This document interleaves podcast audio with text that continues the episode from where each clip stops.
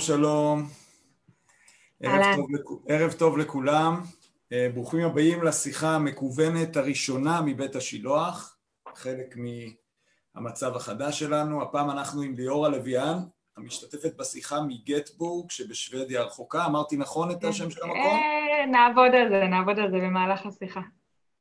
אוקיי, איך אומרים? אומרים, כאילו, מי שלא יודע אומר גטבורג, והמקומים אומרים יוטבורי. אה, טוב, אני מוותר. אז שלום לליאורה, זאת ליאורה. אה, אצלך שעה שבע וחצי, אני מבין? שבע וחצי.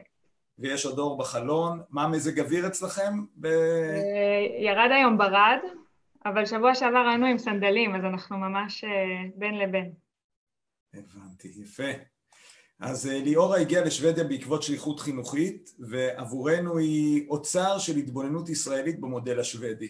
עבורו אני מתכוון עבור מערכת השילוח, ואני מקווה שגם עבור uh, החברה הישראלית באיזשהו אופן. Hmm. בעקבות היכרות מוקדמת וכמה פוסטים מעניינים במיוחד, ביקשנו מליאורה שתנסה לפצח עבור קוראינו הישראלים את השוודיות, את מה שמפתה ומסקרן בה, את ההשוואות שקשה להימנע מהם בין המדינה הסקנדינבית ובין ארצנו שטופת השמש. Uh, ליאורה נענתה לאתגר וכתבה את המאמר לגו, או מה שטוב לשוודים, שפורסם בגיליון 18 שלנו, הנה, הנה הגיליון, אה, מי שזכה לקבל אותו הרוויח, לשוודיה הוא לא הגיע, לא אבל uh, הנה אני, אני אנסה לשתף פה רגע uh, את, ה, את המסך, uh, ככה נראה, ככה נראה המאמר בעצם ב-PDF, uh, והוא נמצא כמובן גם באתר שלנו. אמ, אז, אה, אבל כל זה היה לפני שידענו בכלל על הסיפור הזה של קורונה וששוודיה תהיה כל כך מעניינת ופופולרית. אז אומנם כולנו סקרניים על המודל השוודי שוויתר על הסגר בהתמודדות עם הקורונה ואנחנו נגיע לזה בהמשך, אבל לפני זה, ואולי כהקדמה לזה, אני רוצה לבקש ממך להסביר לנו בכמה משפטים מה זה לגו ומה בעצם מאפיין את התרבות השוודית. אה, טוב, אז אה, גם אני אגיד שלום לכולם, לשמות והפנים המוכרים וגם לאלה שלא. אה, כשהגענו לשוודיה, קודם כל הגענו בכלל בגלל בעלי שהוא רב, והוא רב הקהילה היהודית פה בעיר. והדבר הראשון שאמרו לנו כמה פעמים זה, תשמעו, יש מילה אחת שאתם חייבים להכיר, לאגום, ככה אומרים את זה בשוודית, וכל אחד הסביר לנו את זה קצת אחרת. כאילו, ולאגום בעצם זה, זה איזושהי מילת מפתח בהבנה העצמית השוודית, שבפשטות היא אומרת לא הרבה מדי ולא קצת מדי, אז הנקודה הזאת בדיוק באמצע, אבל זה לא, זה לא עניין כמותי, כאילו זה, אתה יכול לשאול אה, איך היה האירוע, היה לאגום, אוקיי, כאילו היה לא מדהים אבל לא רע, אה, ואתה יכול, כאילו מוצרים מאיקאה, אוקיי, לאגום, לא איזה, לא איזה טירוף, לא משהו שיחזיק עשרים שנה, אבל עושה את העבודה מצוין. אה, אבל ברבדים עמוקים יותר זה גם, זה גם, אה, זה סוג של אומנות, זאת אומרת, להיות... אבל רגע, אני, אני, אני רוצה להבין מה שאת אומרת, את אומרת בעצם שבתרבות השוודית משהו שאצלנו היה נקרא ככה ככה, שם זה משהו נפלא? אני, אני, כן, אני זהו, אז אני, אני ניסיתי לחשוב, אוקיי, איך מתרגמים את זה, ובאמת המשפט היחיד, ש, כאילו הביטוי היחיד שעלה לי זה למלם, לא מועיל, לא מזיק. שבישראלית זה לא, לא, לא מחמאת העל שאפשר לתת למשהו, ובשוודיה זה, הקונוטציה היא אחרת. זאת אומרת, להיות לאגום זה אומר, אתה בול באמצע, אתה לא נוטה לאיזה קיצון, מאוד לא אוהבים פה קיצון, אמ, זה אומר שאתה בקונצנזוס, שזה משהו מאוד מאוד מאוד חשוב. אמ, ויש לזה המון ביטויים, כאילו גם בהיסטוריה השוודית וגם בתרבות השוודית, אה, אחד הביטויים הברורים וה, והמפורסמים זה במלחמת העולם השנייה, שוודיה היא כמובן ניטרלית, אמ, אבל הניטרליות שלה מורכבת, כאילו כל המדינות שהיו ניטרליות זה מורכב, כן, אבל אמ, אה, בתוך שוודיה זה איך, ש, איך שפרצה המלחמה, שוודיה הצהירה שהיא ניטרלית ושהיא הולכת לשמור על השכנות שלה ושהיא אה, לא רוצה להיות במלחמה עם אף אחד, זה מאוד מאוד שוודי, מאוד לאגו, אבל בפועל אי אפשר באמת להתחמק ממלחמה, אז מה שקרה זה ששוודיה גם עזרה לנאצים לכבוש את נורבגיה, היא לא עזרה אקטיבית אבל היא אפשרה להם להעביר אה, רכבות שבאופן רשמי היה, להם רק, היה בהם רק אוכל, אבל בעצם היה בהם גם חיילים ותחמושת וכולי, בעצם היא עזרה בכיבוש נורבגיה, ומצד שני היא קלטה אליה את המחתרת הנורבגית ואת המחתרת הדנית שיבואו uh, להתאמן על אדמת שוודיה, וכמובן uh, הצילה את יהודי דנמרק וכולי, זאת אומרת יש פה כאילו איזשהו רצון באמת לא לריב עם אף אחד, uh, וזה מאוד, אני חושבת שזה בטח לישראלים שבכלל לא נרתעים מלריב או להתווכח, uh, זה מאוד מאוד בולט פה.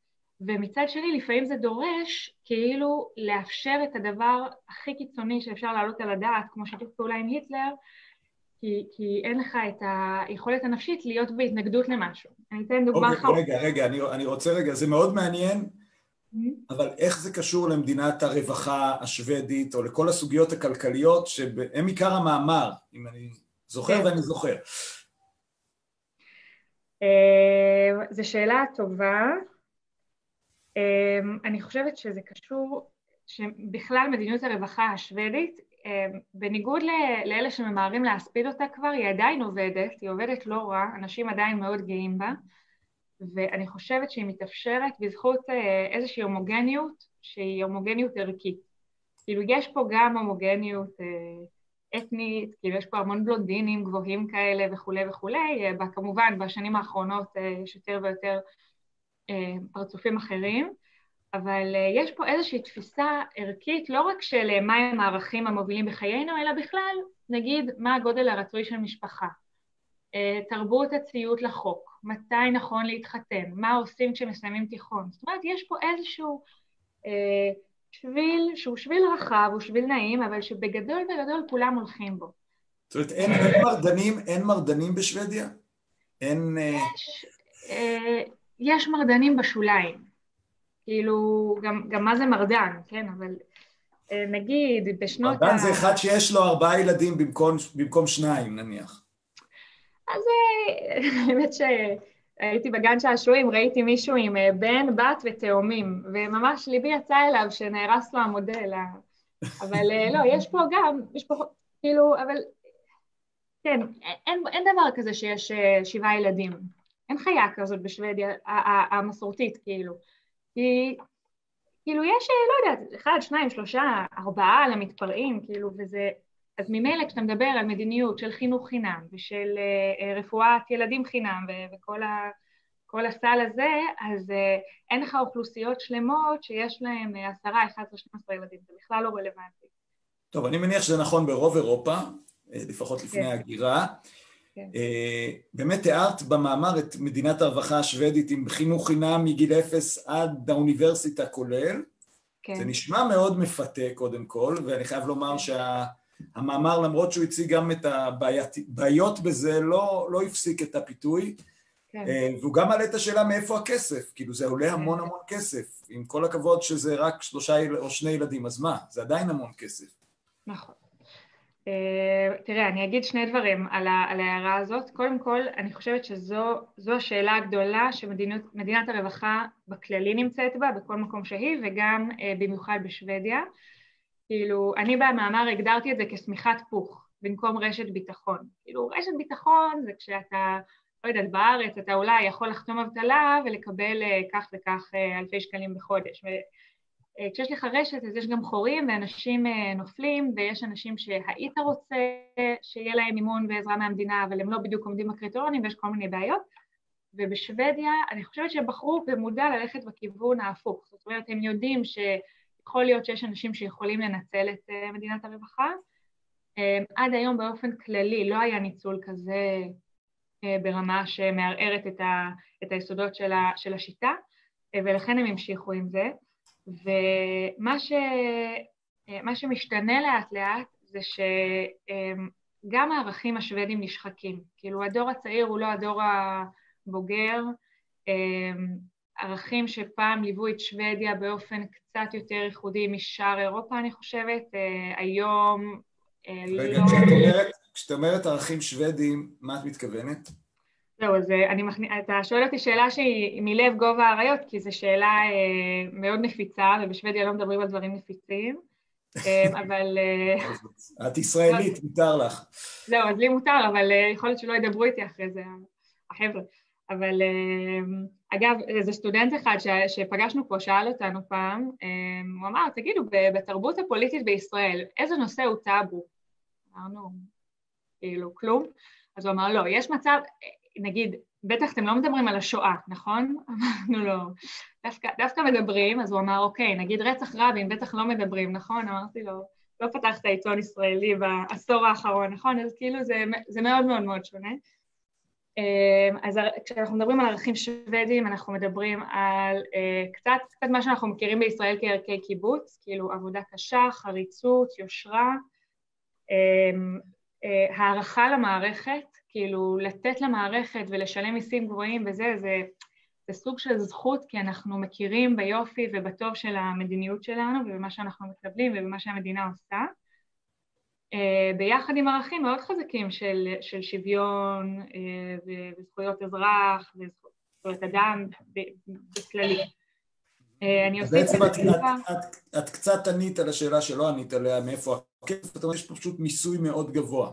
מיסוי מאוד גבוה, תרבות של מיסוי מאוד גבוה, זאת אומרת, כאילו, בטוח יש העלמות מס, אבל בעיקרון האזרחים השוודים, כאילו, הם שמחים במה שהם מקבלים מהמערכת, הם רואים את הקשר בין המיסים שהם, שהם משלמים לבין רמת החיים שלהם, זו נקודה מאוד חשובה פה בשוודיה.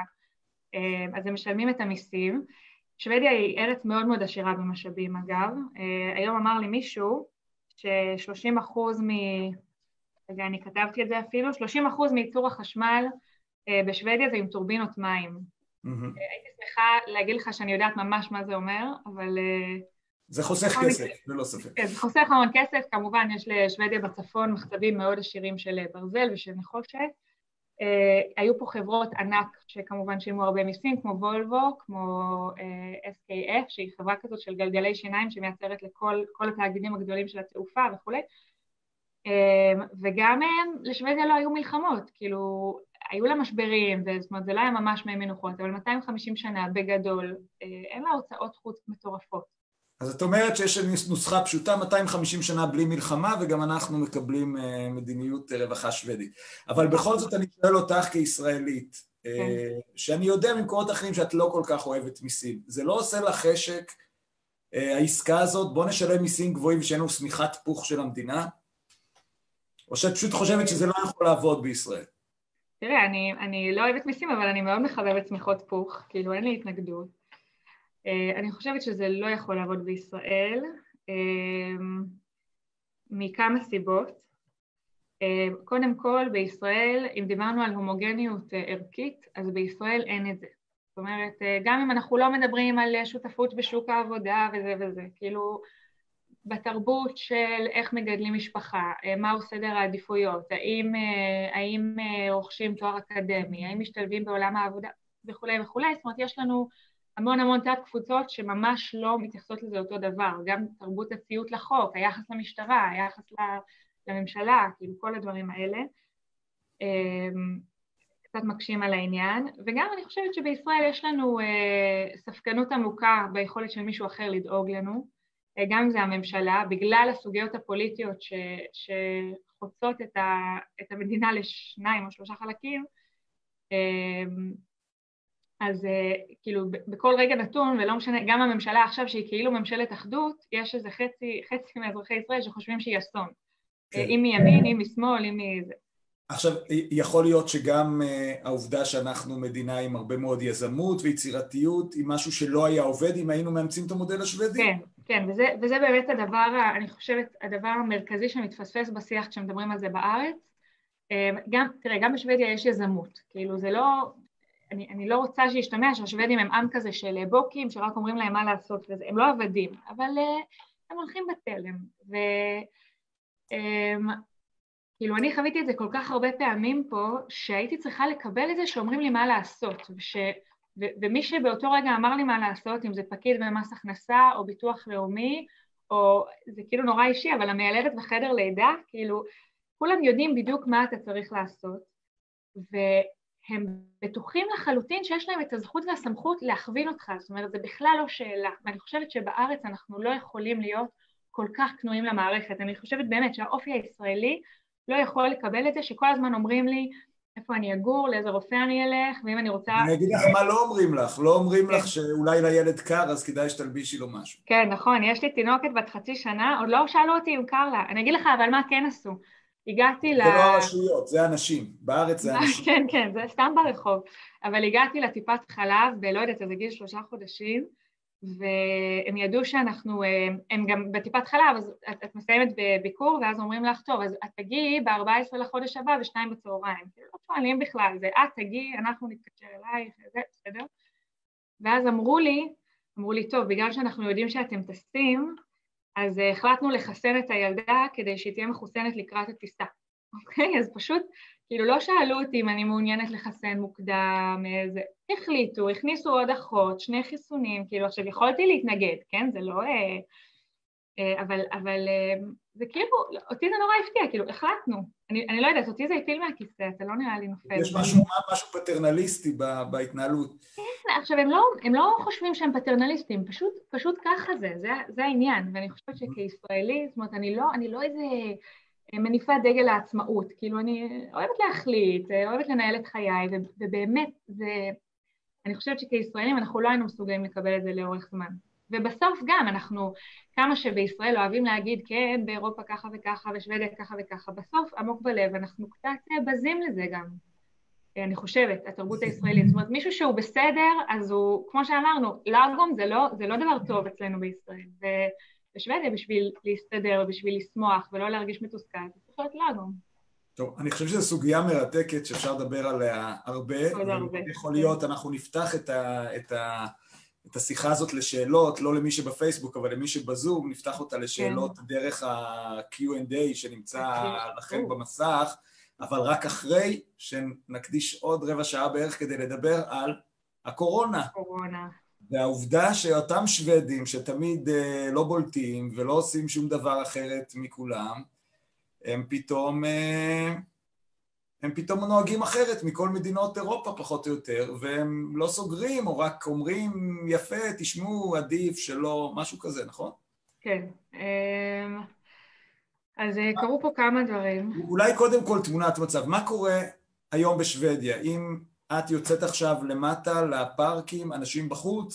כן, זה יום קר, אז לא, אבל uh, בגדול כן, כאילו יוצאים החוצה, אני לא יכולה להגיד שעולם כמנהגו נוהג, אני תכף אתייחס לזה, אבל גני ילדים מפוצצים, אה, מסעדות מלאות, חלק יותר, חלק פחות, הפרהסיה, כאילו יש אנשים ברחוב, בתי ספר יסודיים וגם גנים פתוחים כרגיל, אה, גם חטיבות ביניים, אה, תיכונים לא, או שזה היה לשיקול דעת המנהל, נראה לי שלאט לאט כולם סגרו. השכלה גבוהה, בגלל שהרבה סטודנטים באים מארצות אחרות, אז סגרו לגמרי, זה הכל למידה מרחוק.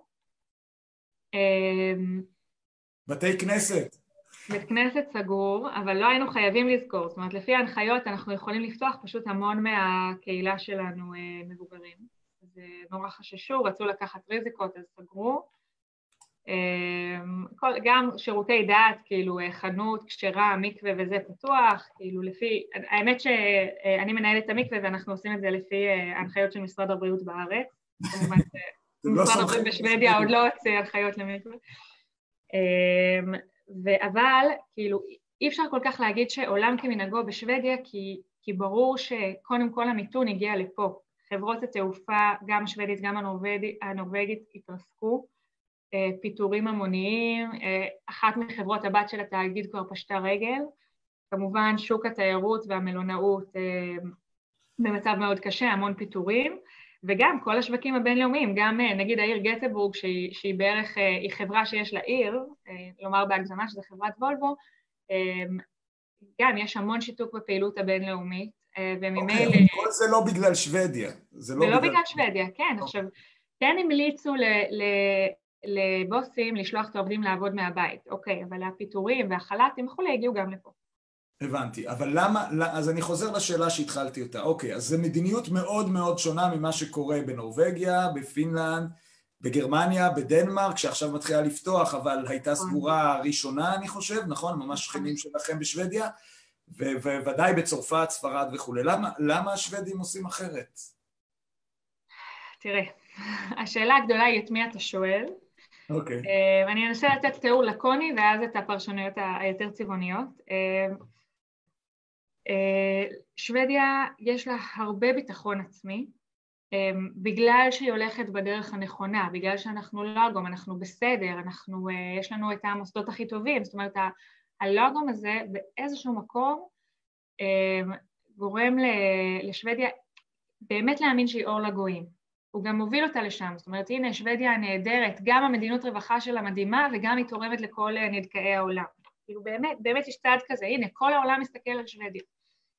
אמ, ואני חושבת שבפרשנות שלי האפידמיולוג הראשי אה, תגנל וראש הממשלה לופן אה, היו להם כמה פשלות בהתחלה שהם לא לחלוטין הבינו עד כמה הסיפור הזה חמור ועד כמה הוא באמת הולך להגיע אליהם. אה, יש פה, שמעתי מכמה מקורות טענה מעניינת שלשוודיה, בניגוד לישראל באופן חריף, אין, אין מוכנות למלחמה. כאילו, ביבי התייחס לקורונה כמו פלישה מאיראן בערך. כן. אמ, ובשוודיה כאילו הרעיון שיכול להיות פה איום קיומי שיהרוג אלפים וזה, זה רעיון כל כך רחוק שלקח זמן לעכל אותו, באיזשהו מקום, במקומות שהם לא סטוקהולם, עדיין לוקח קצת זמן לעכל אותו. ואז מה? אמ, ואז השוודים נקלעו לתוך הקונספציה שלהם? נשארו שם גם כשראו שזה אולי אחרת? תראה, לופן ותגנל לא יגידו לך שזה קונספציה, הם יגידו כן, אנחנו נשענים על הנחות מדעיות ואנחנו סומכים על, על הריחוק הטבעי השוודי ועל האמון שהאזרחים רוכשים לנו ולכן הם יעמדו בהנחיות גם אם לא נטיל סגר דרקוני, אבל ברור שיש פה בעיה פוליטית. זאת אומרת, גם אם בחדרי חדרים הם היו חושבים שאולי כן צריך לעשות משהו אחר, היום הם כבר לא בעמדה שהם יכולים לעשות את זה. זו ממשלה שקמה אחרי שלושה חודשים של משא ומתן, אני יודעת שבישראל זה נשמע פינאץ, אבל, אבל זה עניין גדול, ויש אומנם יותר תמיכה בממשלה, אבל גם המתנגדים של הממשלה אה, מקצינים, ופתאום לבוא ולהגיד, אה, נפטרו 2,700 בני אדם, אבל בעצם טעינו ואנחנו צריכים עכשיו לעשות סגר, זה לא לעניין. זאת אומרת, הם ברור שהם חייבים לנווט בביטחון עצמי, גם אם הם חושבים שהם טעו. והם כן... ואת חושבת שהם טעו? את חושבת שהם טעו? כי היום בישראל נשמעים קולות שאולי אנחנו טעינו והשוודים כן. צדקו. תראה, אני לא חושבת ששוודיה הייתה צריכה להטיל סגר, אבל אה, זה ש... וגם, אתה יודע מה, זה שלא אמרו אל תיסעו לאיטליה, אבל זה שאנשים חזרו מאיטליה אחרי שכבר ידעו מה קורה באיטליה ולא הכניסו אותם לבידוד, זה שערורייה. זאת אומרת, בארץ היו נערפים על זה ראשים. בכלל, בכלל לא נכנסו פה לבידוד, המשיכו להיכנס טיסות מאיראן, אה, יש פה, יש פה המון המון איראנים, למרות שאיראן כבר הייתה מאוד נגועה, המשיכו להיכנס טיסות מכל מיני מדינות אה, שיש בהן פחות בדיקות, כמו פקיסטן, לא יודעת, כאילו, הייתה פה איזושהי התנהלות בהתחלה קצת שאננה מדי, שלא מספיק הבינה, אני חושבת שהם לא מספיק הבינו כמה זה מדבק וכמה מהר זה קורה, וברגע שהנגיף נחת בשדה התעופה בסטוקהולם, לא היה איך לעצור את זה. כאילו קראתי השבוע איזה, איזה מכתב מחאה של נהגי המוניות של סטוקהולם שאומרים, אנחנו היינו הכי חשופים. לא הזהרתם אנשים, לא הזהרתם אותנו, אנחנו אספנו את כולם משדה התעופה, ואחוז מאוד גבוה מקרב הנהגי מוניות נדבק. אז היה פה סיפור ש... ודווקא בגלל שבשוודיה זה הגיע בערך שלושה שבועות אחרי שזה הגיע לאיטליה, ספרד, כאילו אם, אם במרכז אירופה אז אפשר לראות את ההתפרצות בתחילת פברואר, אז בשוודיה זה היה כבר בסוף פברואר, אז היו שבועיים שלוש לראות ולהבין מה קורה. כאילו כשתגנל אומר, אני ממש מצטער, אבל קיבלנו החלטות על בסיס הדברים שידענו אז, אה, לא נעים להגיד, אבל זה לא כל כך נכון. ידענו יותר מזה, והיו, ושוב, לדעתי היו צריכים להיות יותר זהירים, ו... עכשיו, זה, זה מעניין, אני חושב שבתפיסה של רוב הישראלים, אני מניח, אולי גם בכלל של רוב האנשים שגרים מחוץ לאזורים האלה, דנמרק, שוודיה, נורבגיה, זה, זה אותם, אה. אותם אה, בלונדינים. יש וגם את, מה שאת מתארת על התרבות השוודית מזכיר דברים שאני שמעתי על התרבות הדנית למשל, שגם שם יש אה, אה, אה, שוויון יחסית מאוד מאוד רחב כן. ושמיכת פוך רווחה וכולי, התנהלו לגמרי אחרת, אני, אני צודק? זאת אומרת, כן. וזה משהו שאני מניח שעוד יחקרו וינסו להבין. יחקרו, כי אין, כן. אין תשובה פשוטה, נכון? לא, לא, לא, אני בטח אין לי איזו תשובה עשו ככה כי ככה. אה, שוודיה היא כן שונה מדנמרק ונורבגיה, גם, זאת אומרת, זה כן אה, מדינות שונות, למרות שכולם אה, בלונדינים וגבוהים. אפילו השפות שהן נורא דומות, אז מאוד קשה לשוודי ודני לדבר, בדרך כלל הם ידברו באנגלית, כאילו יש, יש mm-hmm. שוני משמעותי. היהודים שפה אומרים, נו בטח, הנורבגים והדנים לחמו בהיטלר, זה כל ההבדל. כאילו, או לא נכנעו לו. כאילו, יש, כאילו אמירה צינית קצת, אבל יש בזה משהו מאוד עמוק כשאנחנו מדברים על הלאגום הזה. כאילו השוודים יותר משלימים עם הגורל ולא לא מתאמצים להילחם, כאילו? אני חושבת ש... מי הוא, אה, מי הוא, מי הקורונה הזאת שתוציא אותנו משלוותנו, כאילו? משהו כזה? כאילו השוודים לא עושים צעדים קיצוניים. אה, הם לא, הם לא מפרשים את המציאות כקיצונית וממילא הם לא יעשו צעדים קיצוניים. אה, בדנמרק עשו סגר מאוד מהר וגם בנורבגיה. עכשיו יש הבדלים של שטח אוכלוסייה וזה, אבל המספר מתים למיליון נפש כאילו אי אפשר להשוות בכלל. כן. טוב, זה נשמע מרתק. אה, אני מניח שחלק מהאנשים שמקשיבים עד עכשיו בסבלנות ירצו לשאול משהו, אז הם מוזמנים, אה, מי שנמצא אה, כרגע בזום, יש לו למטה אופציה שנקראת Q&A, שאלות ותשובות, אז מוזמנים לשאול את ליאורה, ואנחנו נראה את זה קופץ במסך שלנו וננסה לענות. עד שיגיעו שאלות. יש עוד משהו שאת רוצה ככה לסגור? את אגב מתכנת אה, לכתוב לנו מאמר על העניין הזה של הקורונה, את חושבת? לא יודעת, תלוי אם תזמינו, מה. לא, אני כן אגיד משהו... אנחנו המאמר הקודם, אז... אה, אה, אני אגיד משהו שהוא כן חשוב. מתחילות לזרום פה שאלות, אני מציע שכמעט תסתכלי, תציצי. וואו, וואו, וואו, רגע. אני, אני אתחיל בשאלה שלי על הקורונה ואז נתקדם לדברים אחרים. אז השאלה שלי, את כתבת שהשוודים בקושי מספרים על המתים מקורונה בעיתונות, אולי זה מה שמאפשר את ההתמודדות הרגועה יחסית עם המשבר הזה. אז אני אתייחס לזה כי זה חשוב. אה, השוודים מדווחים על המתים שלהם, אמ, הדרך שבה הם עושים את זה היא מאוד מוזרה. אה, יש לי חברים אה, מאוד, שיש להם קונספירציות מאוד כבדות בנושא הזה, ויש לי חברים שחושבים שזה כאילו הדבר הכי נפלא בעולם לעשות, אז, אה, אז יש פה קשת רחבה. אמ, המספר, נגיד, נגיד אתמול, ביום ראשון, הכריזו על עשרה מתים. עכשיו, ברור שלא עשרה מתים נפטרו במהלך סוף השבוע, פשוט בסוף שבוע מכל מיני סיבות כאילו טכניות של צוותים רפואיים, אז לוקח יותר זמן לאמת שמי נפטר אכן נפטר מקורונה, אה, ואז היום הודיעו על 90. Okay, אוקיי, עכשיו לא הייתה קפיצה של 80 מתים מאתמול להיום, אלא שזה כאילו, ה-90 האלה זה נמרח על פני כמה ימים אחורה. אז יש איזשהו דיווח שכל הזמן אנחנו יודעים שהוא לא דיווח נכון. ו... ובסופו של דבר, זאת אומרת, אמ, נגיד היום המספר עומד על 2,769 נפטרים, אה, אין לי ספק שהמספר האמיתי הוא יותר משלושת אלפים. זאת אומרת, אנחנו מדברים על פער של בערך, אה, נגיד כרגע בערך 300 איש, שאנחנו עוד שבועיים, אם נסתכל על הנתונים, אז אנחנו נגלה אותו, אבל היום אין לנו דרך... אני חושב שליאת שאלה אם, אם לא מדברים על האנשים האלה, לא רק על המספרים. אה, אה אז אני, אז אני אמקד, לא מדברים. לא מדברים, כאילו. לא מדברים, ואני שאלתי חבר מפה שהוא עיתונאי, אמרתי לו מה, אלפיים זקנים מתו מקורונה. אין חמישה שיש להם סיפור חיים ראוי שאפשר לדבר עליהם, שאפשר לקרוא בחדשות המרכזיות כתבת עומק על מי הם היו, כאילו זה לא הגיוני גם בטח ביחס למה, למה שקורה בארץ על, על כל נפטר.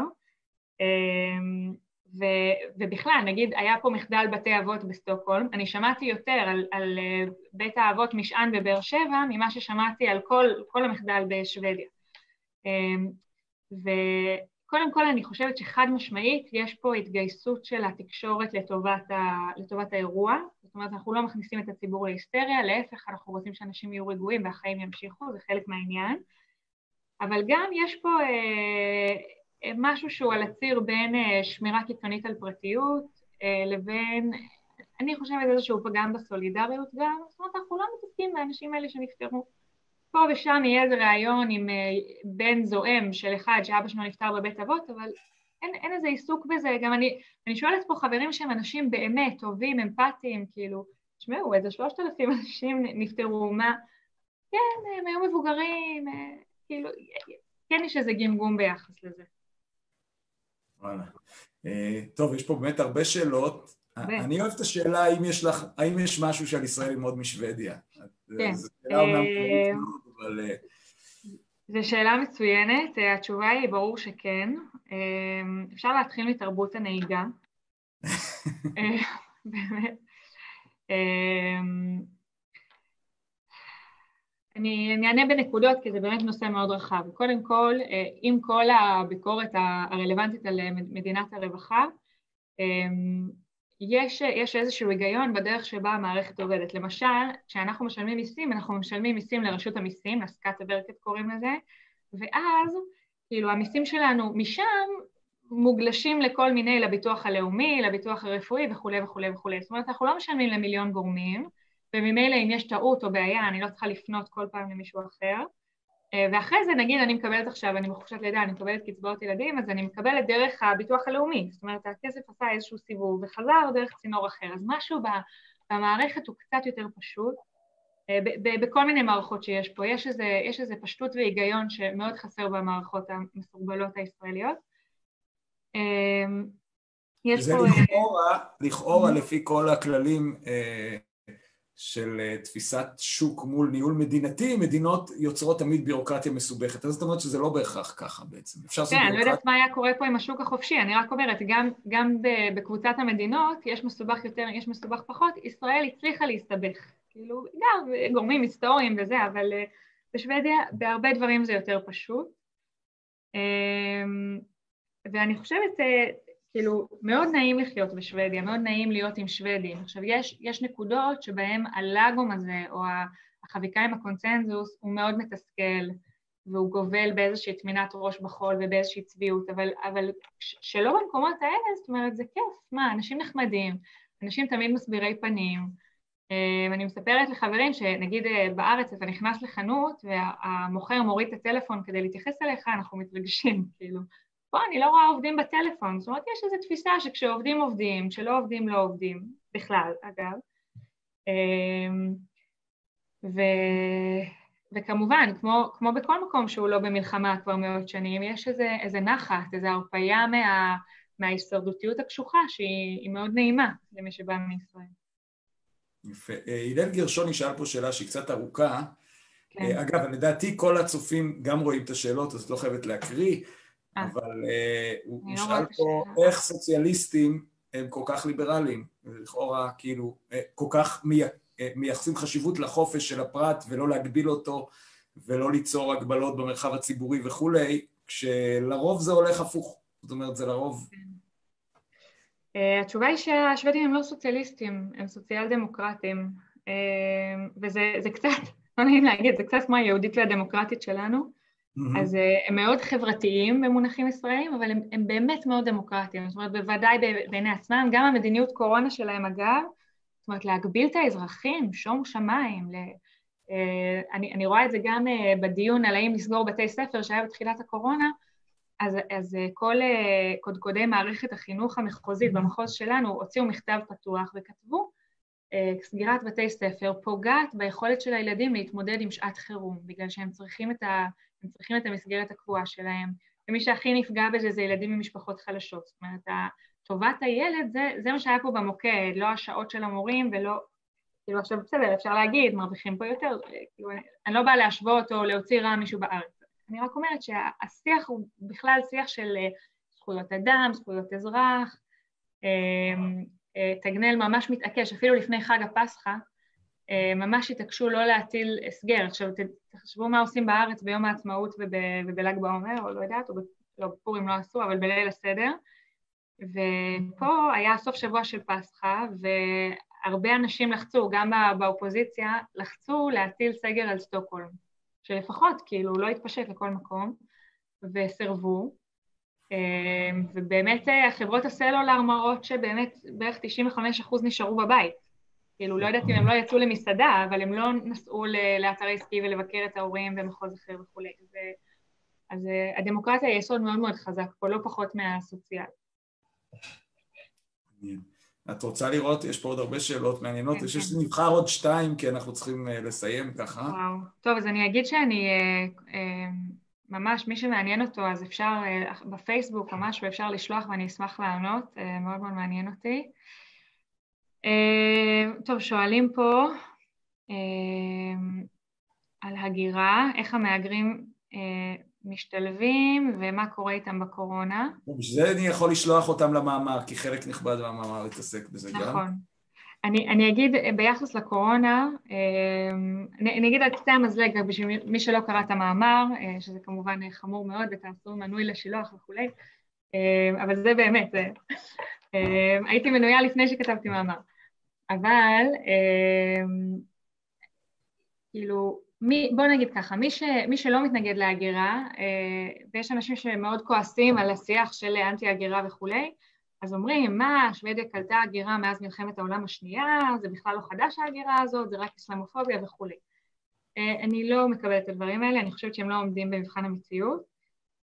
כן, ההגירה שהייתה עד עכשיו, זאת אומרת עד ההגירה הגדולה מהמזרח התיכון לפני בערך עשר שנים, והשיא שלה היה ב-2015, המהגרים שהגיעו, הגיעו עם רצון להשתלב בשוודיה. זאת אומרת, אני מכירה כמה אנשים בני גילי, או קצת יותר מבוגרים או צעירים, שההורים שלהם הגיעו מאיראן, או לא יודעת מאיפה, והם דוברים שוודית לחלוטין,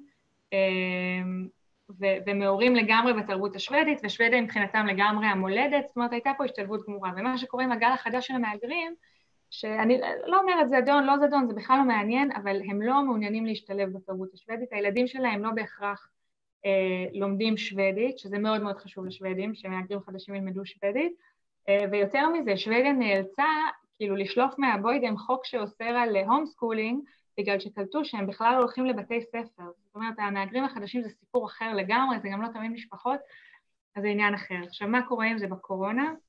אם עושים פילוח של שכונות בסטוקהולם שהייתה בהן תחלואה של קורונה, אז רואים הרבה יותר תחלואה בשכונות של המהגרים, וזה ברור, כאילו, זה, שוב, זה קשה להשוות, אבל גם אוכלוסיות בארץ שיש בהן משפחות גדולות ופחות נגישות לתקשורת, וראינו את זה אצל החרדים, ראינו את זה אצל הבדואים, כאילו כל, שוב, כל תת אוכלוסייה וקצת האבחון שלה, אבל, אבל זה קרה גם אצל המהגרים בשוודיה, וגם הרבה מהמהגרים עובדים ב, בעבודות סיעודיות, ובגלל שהיו מעט מאוד בדיקות פה, אז הם היו הולכים, כאילו יש פה איזו מערכת די מדהימה בעיקרון של ביקורי בית של עובדים סיעודיים בבתים של זקנים, אז הם, יכול להיות ש, שיש עובד שמבקר 20 זקנים ביום, ואם הוא נסע של קורונה ולא יודע, אז הוא הדביק 20 זקנים, וזו הייתה בעיה מאוד מאוד גדולה, גם שם וגם בבתי אבות.